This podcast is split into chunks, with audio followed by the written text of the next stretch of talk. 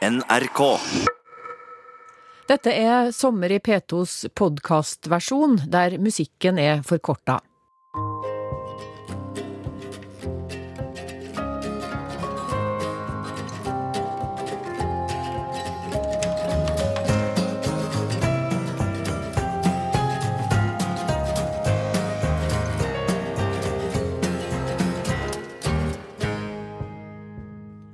Jeg var 14 år og har så lenge jeg kunne huske på interessert meg for jakt. Jeg starta litt tidlig, og kanskje altfor tidlig òg. Vi har jo lagt ut åte etter reven, ikke langt fra huset vårt i Ungdalen. En morgen jeg sto opp, så så jeg at det var rev på åte. Jeg måtte skynde meg ned i kjelleren og få tak i børsa til fattern.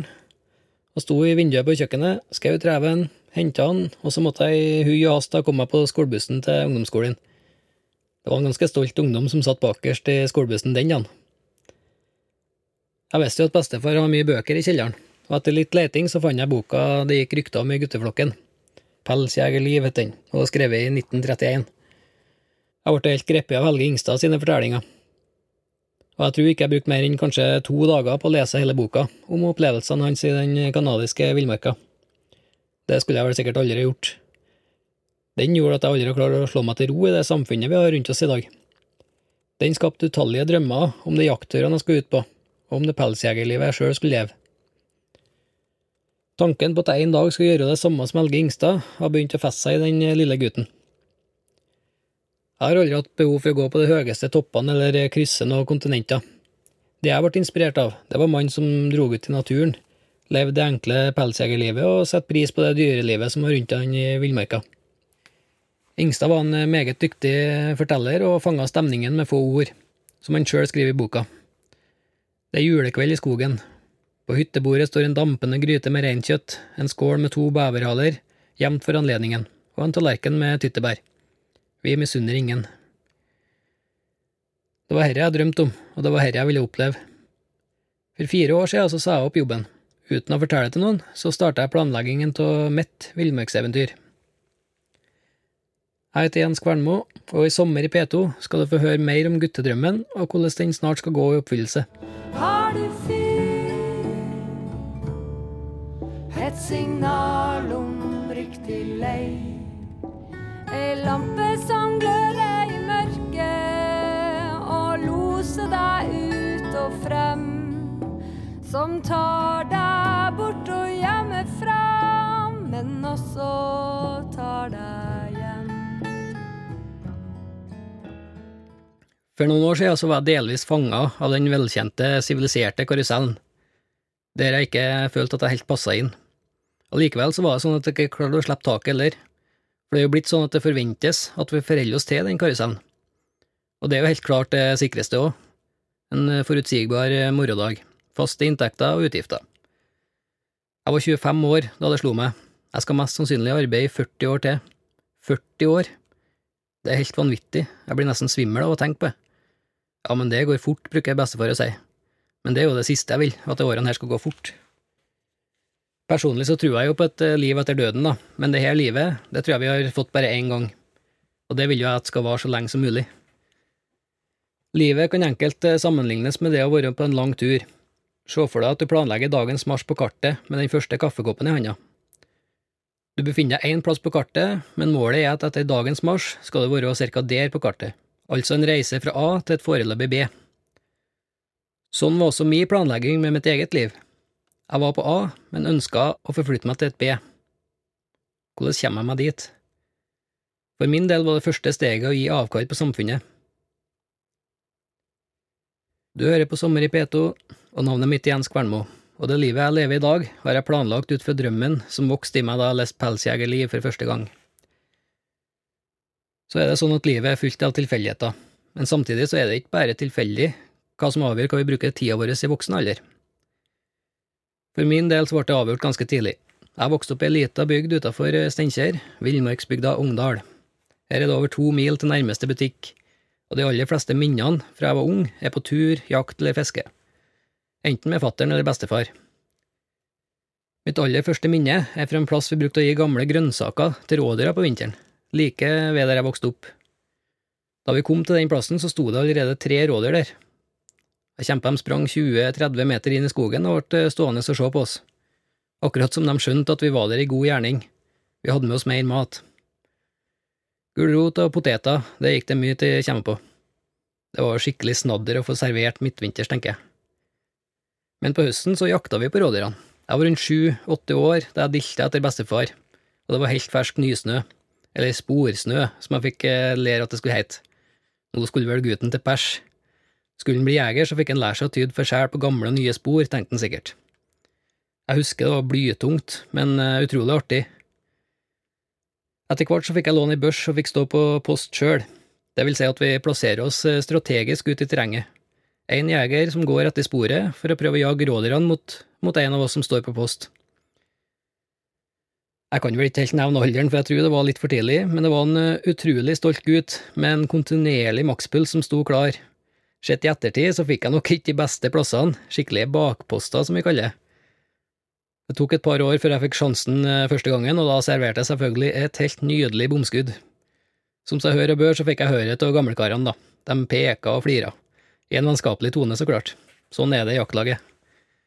Når jeg ser i gamle album, som jeg syns er veldig artig, så er det 80% bilder av meg sjøl på jakt med fattern, bestefar eller onkel, og så en og annen 17. mai og julekveld, da. Jeg hadde vel aldri en alternativ livsstil, det måtte bare bli sånn. Vi har alle en bestefar i livet, og min bestefar, farfar Kåre, har alltid vært et forbilde for meg. Helt fra jeg satt på fanget hans og hørte historier fra Skjækerfjella, som er mine heimfjell. Historiene de brente seg fast. Det var rypeflokker som skygga for sola, det var enorme elgokser, og så var jeg ørreta som minna om det sjømonsteret i Loch Ness for en liten gutt. Jeg kjenner han jo nå, det var nok mange skrøner, eller eh, han smurte litt ekstra på med årene. Jeg husker at jeg tenkte at eh, en sånn gammelkar, det skal jeg òg bli. Som setter mer pris på å servere barnebarna juicy historier fra et opplevelsesrikt liv enn å ha banken full i penger. Jeg bruker å se for meg sjøl på et eh, gammelheim, hengende over rullatoren med gebisset på skeiva og skal varte opp enka borte i sofakroken der. Da tror ikke jeg det hjelper å slå lommeboka i bordet, da er det bedre å leve et spennende liv, hvis man skal ha en sjanse. Vi var uheldige og mista farmor mange år eh, for tidlig i livet, men bestefar han har ordna seg med ny kjæreste, så klart. Vi er naboer oppe i Ongdalen nå, men han har ordna seg med ei byjente på Steinkjer. Hver onsdag er han på kaffebesøk, og hver helg overnatter han, fra lørdag til søndag.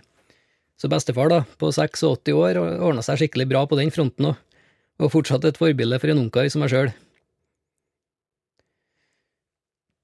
Å velge musikk til programmet var ikke bare lett, men jeg merker at det, det er noen sanger som sitter sterkere fast i minnet enn eh, andre sanger. Og for meg kan i hvert fall noen knyttes til enten en forelskelse, eller at jeg vært lei meg for at det ikke gikk som jeg tenkte.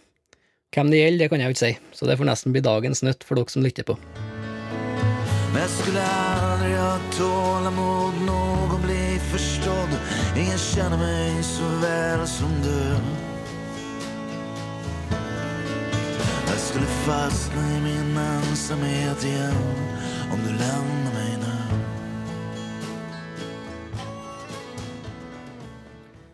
Jeg på godt min første natt ut helt alene. Det var rundt 14-årsalderen, da jeg skulle på tiurleik. Bestefar hadde jo tidligere på vinteren vist meg plassen, der han brukte å se på at tiuren spiller. Dette skjer i april og starten på mai hvert eneste år. Det er rett og slett paringsleika, der tiuren konkurrerer om å vinne røyas gunst.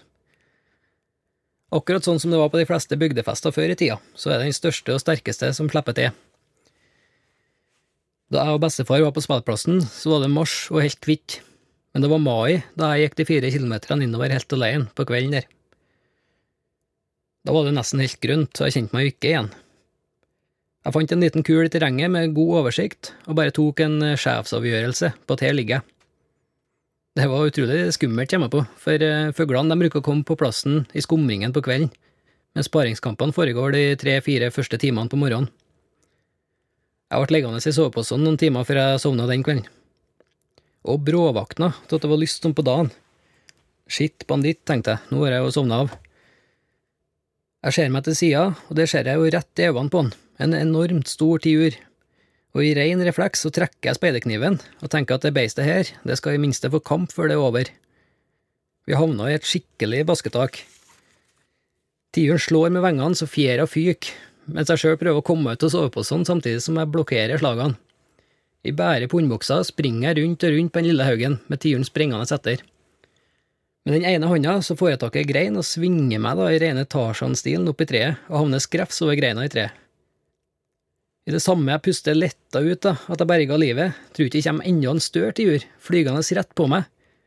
Jeg kaster meg framover i siste liten og snurrer rundt og havner tilbake i samme posituren.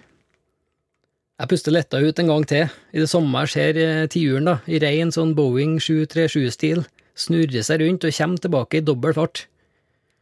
Da tar jeg ingen sjanser å kaste meg bakover i baklengs salto og forbereder meg til nærkamp med den tiuren som fortsatt er under meg. Det er jo da det utenkelige skjer, da. En bjørn har kommet inn på plassen. Den har sikkert lukta tørkakjøttet av et reinsdyr, jeg tok ei snare i sekken. Jeg lander skrevs over ryggen på den, og i rein refleks da, så klyper jeg tak i ørene på den, for å ikke dette framover, rett i kjeften på den. Der hadde jeg gått ned i et jafs, det er den største bjørn jeg noensinne har sett. Bjørn blir like forskrekka som meg, for en sånn tiur, det har han vel aldri sett. Den reiser seg på bakfotene og ble så stor at jeg så over tretoppene. Det var egentlig da jeg innså hvor flott den bygda vår Sogndalen er. Jeg rakk ikke å fundere noe mer over det, for Bjørn kasta seg framover, i full galopp, og la i vei innover skogen. Jeg hadde det svare strev da, med å styre den høyre og venstre ved å dra den i ørene, så vi ikke skulle kollidere med furutellene bortover åskammen. I det ene øyeblikket så dukka jeg under, og i neste så måtte jeg hoppe over noen nedfallstre. Fortere og fortere gikk det, for jeg følte at vi var langt unna tiurkrigerne, sånn at jeg kunne hoppe av. Ja, det var vel kanskje ikke riktig sånn det gikk for seg, da. Det er gammelkarene som forteller historier når jeg vokste opp, de kunne jo kunsten med å legge til historiene det lille ekstra. Og når man leser bøkene til gamle jegere og eventyrere, så var det nok eh, sånn at de smurte litt ekstra godt på, og det syns jeg er viktig å videreføre, så klart, og de beste jakthistoriene, de er jo ikke helt sanne. Men for en ung gutt, da, så var dette utrolig spennende. Sannheten i min historie er vel helst at tiuren skjønte at jeg ikke var en normal motstander, og trakk seg rolig bort. Det er en fantastisk opplevelse som jeg aldri kommer til å glemme. Du hører på Sommer i P2, jeg heter Jens Kvernmo, og med den oppveksten jeg har hatt, så sier det seg sjøl at jeg har blitt friluftsmann. Sjøl om jeg rota litt den siviliserte karusellen i starten av 20-årene, med arbeid, skole, så har dragningen mot det frie livet i naturen alltid vært der. Men så er det jo sånn, da, at det forventes jo av oss at vi skal ta ei utdanning, få oss jobb, hus og heim, kone, barn, og kanskje ta ei uke på Gran Canaria og ellers leve et eh, fredfullt liv. Det er på en måte veibanen vi blir født innpå her i Norge. For meg så har det aldri passa. Jeg ønsker meg et friere liv, på naturen sine premisser, men det har eh, kosta. Jeg har bevisst valgt bort eh, kjæresterier og egen familie for det livet her. Jeg bodde jo på gutterommet til jeg var 30 år, så noe som må sies å være en solid pris å betale. Karriere i yrkeslivet valgte jeg også bort, sjøl om jeg faktisk er utdannet økonom, med B i snitt, og kunne sikkert ha gått i fin dress i et eller annet banklokale. Pensjonspoeng det tror jeg ikke at jeg har, og privatøkonomien den står helt sikkert til stryk hos de fleste kunderådgivere i Norges banker. Men for meg så er dragningen mot det livet jeg faktisk lever nå, så utrolig sterkt at det er verdt å forsake alt det her for å få det til. Sjøl om jeg selvfølgelig òg har lyst på kjæreste og egen familie. Det er egentlig en konstant tvekamp i meg sjøl, det her. Og den er sterkest rett etter turer som har krevd mye. Da bruker jeg å tenke at nå er det nok, nå skal jeg rett ut og finne meg en eller annen å slå meg til ro med. Men så går det noen dager, da, kanskje ei uke eller to, og så kommer det igjen, da den uslitelige kjempen som igjen drar meg mot dette frie livet. Det skal visst aldri ta slutt, og kanskje er på tide å innse det. Da er det slik jeg ser deg i snøen vintermorgen. Fryd og glede rundt deg går du. Du løfter armene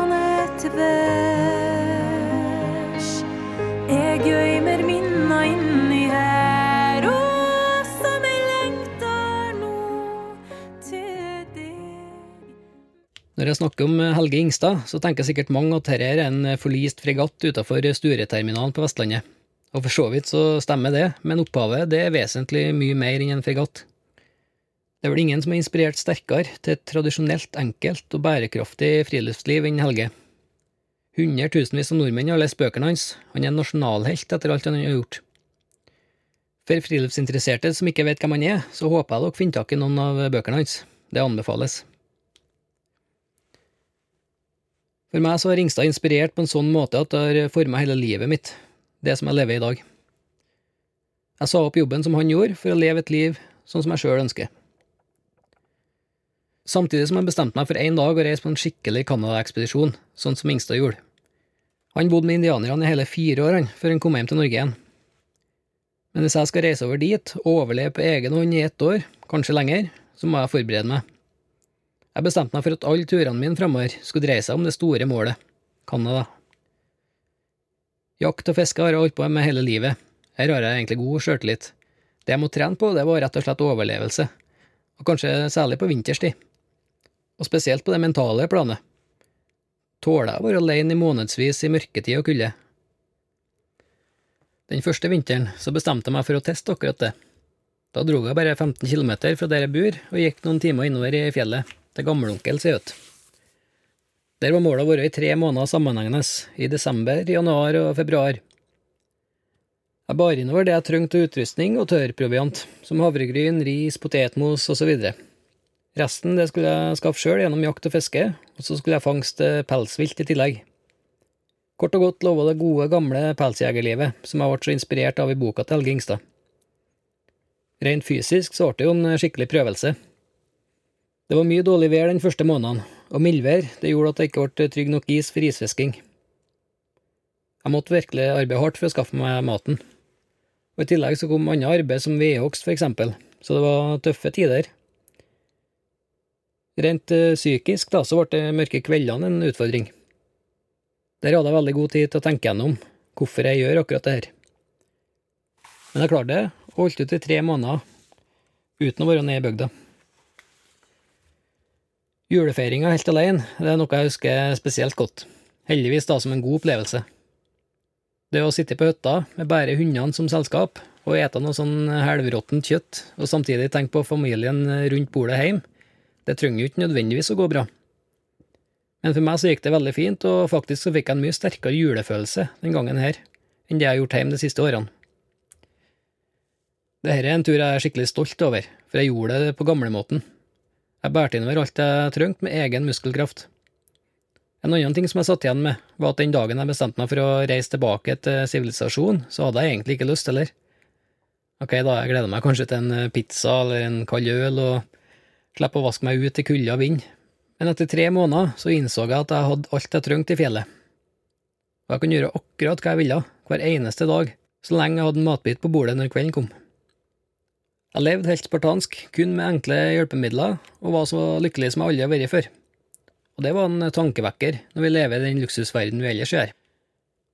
Jeg var jo like blakk som ei sånn nyskjært kjerkerotte, sikkert. Jeg bodde på gutterommet hjemme, ingen jobb å gå til, eller noe lys i tunnelen, da, for et sivilisert, sivilisert, fornuftig liv. Og likevel da, så var jeg lykkelig, altså. Og jeg tror ikke vi blir lykkeligere av mer penger, finere hus, bil, nye klær, gud vet hva, altså. Det som er viktig, er hva vi bruker tida vår på. For min del så var turen her en bekreftelse, egentlig, på at jeg nå hadde gjort et veldig riktig valg i livet. Ettersom den første overvintringa var noe som rett og slett gjorde meg lykkeligere, så bestemte jeg meg for å gjøre noe lignende neste vinter òg. Og valget av lange vinterturer har egentlig vært litt tilfeldig, men det er jo større utfordring å bo utendørs på vinteren enn om sommeren. Denne gangen så vil jeg reise til Syland, et stort fjellområde sør i Trøndelag. Mens jeg sist vinter brukte ei hytte som base under hele oppholdet, så ville jeg denne gangen farte litt mer rundt, med ski, pulk, telt og hva ellers trengte for å klare meg. Nå vil jeg trene meg sjøl på å overleve utendørs, i telt eller under presenning, eller bare under stjernene, da, en hel vinter for dette var noe jeg ville møte på en eventuell Canada-ekspedisjon. Det er jo mye å planlegge for man skal på en sånn overvintring. Én ting er jo alt man skal huske på å ha med seg, utstyr og proviant og og nå var jeg jo ganske heldig stilt på hjemmebane, da, ungkar som jeg er, og uten de store faste utgiftene. Men sånn regninger og andre poster, det kommer jo fortsatt en eller annen postkasse. På en måte så kan en sånn planlegging før en tur sammenlignes med da jeg sa opp jobben min. Det er som å sitte og se på kartet. Her er jeg nå, og dit vil jeg gå. Hvordan kommer jeg meg dit? Da kan jeg følge den og den stien, her må jeg svinge østover, så over fjellet, følge elva, videre. Planlegge hvor mye mat som skal være med, og hvordan utstyr. Fader, her må jeg droppe det store, behagelige teltet, det blir jo altfor tungt. Det er hele veien valg og forsakelser det går på. Og sånn har det òg vært for min del. Og det som tynger mest for meg, det er tida med familien, og spesielt med de yngre søsknene mine. De har jo hatt lyst til å være med storebror på tur, men han har jo alltid vært borte. Tider med gode venner, det er jo noe jeg verdsetter høyt, da, men som jeg bevisst har ofra i det livet jeg lever nå. Etter nok en vellykket eh, overvintring, da, så var jeg klar for nye utfordringer. Nå visste jeg at jeg kunne klare meg sjøl alene midtvinteren. Å skaffe meg maten sjøl har nesten blitt en eh, vanesak nå. Jeg klarte meg òg bra under åpen himmel, eller i telt på mørkeste vinteren. Nå gjenstod det egentlig bare én ting før jeg kunne kaste meg ut i det store eventyret, nemlig å lære meg å mestre et hundespann. Jeg forstår jo egentlig ikke hvorfor jeg ikke har prøvd dette før, da, men det hadde jeg jo altså ikke gjort. Jeg skjønte jo umiddelbart at her trenger jeg hjelp. Så det første jeg gjorde, da, det var å ta kontakt med Sigrid Ekran, en av landets aller beste hundekjørere. Hun tok meg imot med åpne armer og satte meg på et sånn topptrent eh, tispann første dagen. Det endte med to knekte ribbein, så det var litt av en start, da. Men vi gjennomførte den turen òg, og hele klabblaget, da, som jeg kaller det, tok oss fra Finnmark til Trøndelag. Seks klabber framom sleden og sjefsklabben bakom. Og han lærte utrolig mye om hundekjøring på den turen der.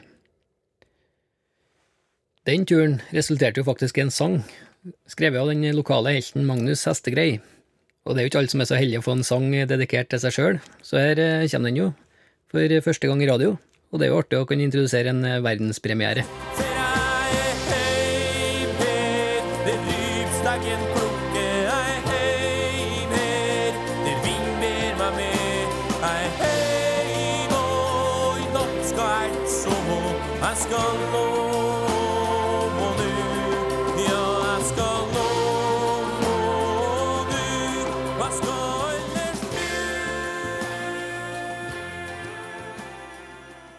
Alt jeg har gjort de siste årene har jo vært drømmeturer i seg sjøl, men òg en del av det å forberede seg på en eh, skikkelig ekspedisjon til Canada. Nå er det jo bare få uker til avreise, og jeg må si det kiler voldsomt i magen, altså. Dette er jo noe som har vært i tankene mine i mange år nå, og nå er det faktisk alvor, altså. Jeg vil jo at dette skal bli mitt livs eventyr, noe jeg både tror og håper det blir. Nå er jo planen å være her et helt år, kanskje lenger hvis jeg får oppholde meg i landet så lenge. Det er jo store risikoelementer med en sånn tur, da, som bjørn og ulv og streng kulde og kanskje mangel på mat, men det jeg gruer meg aller mest til, det er faktisk denne heksegryta på Gardermoen. Jeg er jo en lite bereist bygdegutt, og de gangene jeg har vært på Gardermoen tidligere, så har jeg fått helt melkesyre, altså. Mye folk som stresser, nesten umulig å finne fram, og mye ting å ta hensyn til. Sikkerhetskontrollen er jo den første utfordringa som jeg må gjennom, da. Og det glemmer jeg jo alltid å ta av meg skoene eller klokka eller beltet, sånn at jeg selvfølgelig rykker tilbake til start. Og så er det denne flybilletten, da, som jeg er livredd for mest. Og så er det å finne fram til riktig gate òg, da, og nå som jeg skal utenlands i tillegg, med både hunder og våpen, så når jo den frykten nye høyder. Nå skal jeg ha med pass, papirer på hunder, våpen og meg sjøl. Herre er så ille, det, at jeg ligger våken om natta og gruver meg. Nei, når jeg tar det første steget på canadisk jord, da skal jeg være en letta ungdaling, da. Jeg har jo lagt en god plan på hva jeg skal gjøre, samtidig så har jeg god tid, og ønsker muligheten til å endre på den da hvis det dukker opp noe spennende. Kultur blant andre mennesker er noe jeg alltid har vært opptatt av. Den samiske kulturen hjemme her er eksempel noe jeg er veldig nysgjerrig på, og har stor respekt for. Nå skal jeg jo for første gang i livet møte både indianere og eskimoer. Det gleder jeg meg helt vanvittig til, altså, og vil gjerne ha god tid til å oppleve de kulturene og menneskene på nært hold. Jeg har bevisst ikke lest meg opp eller sett bilder på hvordan de lever i dag, da, for ikke å ødelegge selve eventyret på forhånd. Så jeg jo en illusjon at de lever som i de gamle bøkene. Jeg ser for meg tipia, altså indianertelt, da, nede ved strandkanten, der indianerjentene springer mellom eh, teltene og lager mat til jegerne.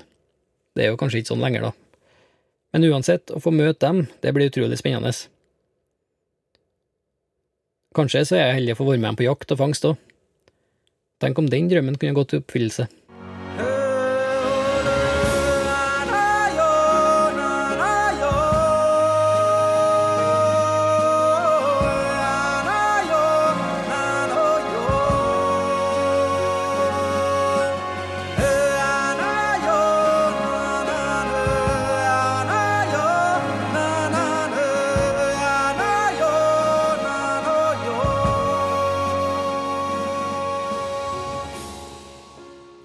Du hører på Sommer i P2. Jeg heter Jens Kvernmo, og jeg har skjønt at det å tørre å gå for drømmen ikke kommer av seg sjøl. Det har faktisk vært utrolig tøft å forlate det trygge og sikre for noe ukjent og farlig. Jeg har gått perioder med tilnærma null i inntekt, ingen pensjonssparing, ingen jobb å gå til, ikke noe hjem eller egen familie. Samtidig så føler jeg at jeg er ganske trygg i mitt eget liv. Jeg har tross alt tid til å tenke når jeg er så mye alene som jeg er. Så jeg skjønte tidlig at det faktisk var å ofre alt det her som skulle til for at jeg fikk det livet jeg ville. Og når jeg tenker tilbake på livet, så starta jo alt det her da jeg dilta i fotsporene til bestefar i oppveksten. Jeg så jo aldri at han var på arbeid. For meg virka det som han kun var i skogen, på jakt, fiske eller fangst. Og da han ble pensjonist, så gjorde han jo faktisk det, han levde jo i skogen, han. Allerede som 15-åring så husker jeg på at jeg sa at jeg gleder meg til å bli pensjonist, for da kunne jeg jo love sånn. For meg så var jo ikke dette noe jeg starta med nå. Det har vært livet og drømmen min hele veien, det. Og jeg lever jo ikke dette livet eller, eller fer på turer fordi at jeg skal lage noen TV-programmer, eller for å legge ut eh, flotte bilder på Instagram for å få mange likes, eller for å skrive bøker. Jeg gjør jo det her fordi at det er det eneste jeg vil bruke livet mitt på.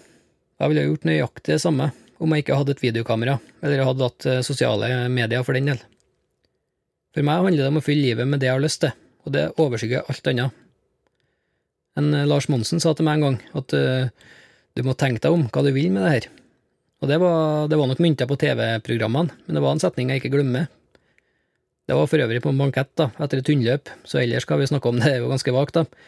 Men hele veien, siden jeg var 15 år, har jeg vært bevisst på alt jeg har gjort, at det er noe jeg virkelig har ønska. Men det å løfte perspektivet innimellom, og tenke hva vil jeg med det her, det tror jeg alle sammen har godt av, altså. Vi må ikke bare flyte med i den siviliserte strømmen, vi må jo svømme den veien vi sjøl har lyst til. Men eh, Mark Twain han sier det ganske bra. Om 20 år fra nå vil du være mer skuffa over det du ikke gjorde, enn det du gjorde. Så kast loss, forlat havn og la vind ta tak i seilene. Utforsk, drøm og oppdag. Da jeg var liten gutt, så mista jeg den biologiske mora mi for kreften, da hun var på samme alder som jeg er i dag.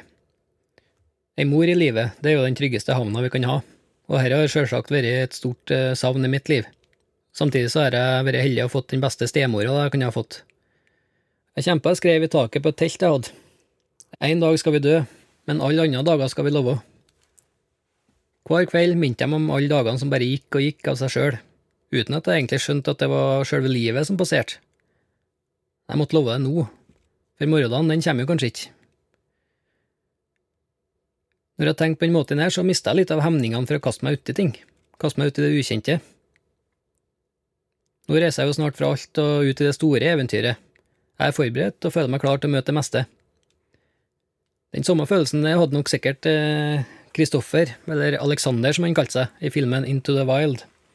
Han omkom på tragisk vis, men den filmen har satt spor i meg, og kanskje min absolutte favorittlåt kommer fra nettopp denne filmen. Society av artisten Eddie Vedder treffer så utrolig godt med teksten sin. Den uttrykker det jeg sjøl tenker om livet.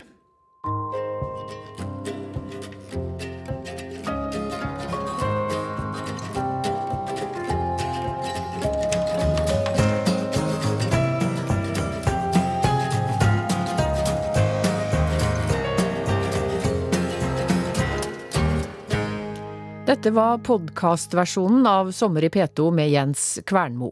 Teknisk ansvarlig var Torbjørn Bjerkan, produsent Eva Laukøy. Og du kan høre hele versjonen av programmet med musikk på NRK Radio på mobil, nettbrett eller PC. NRK.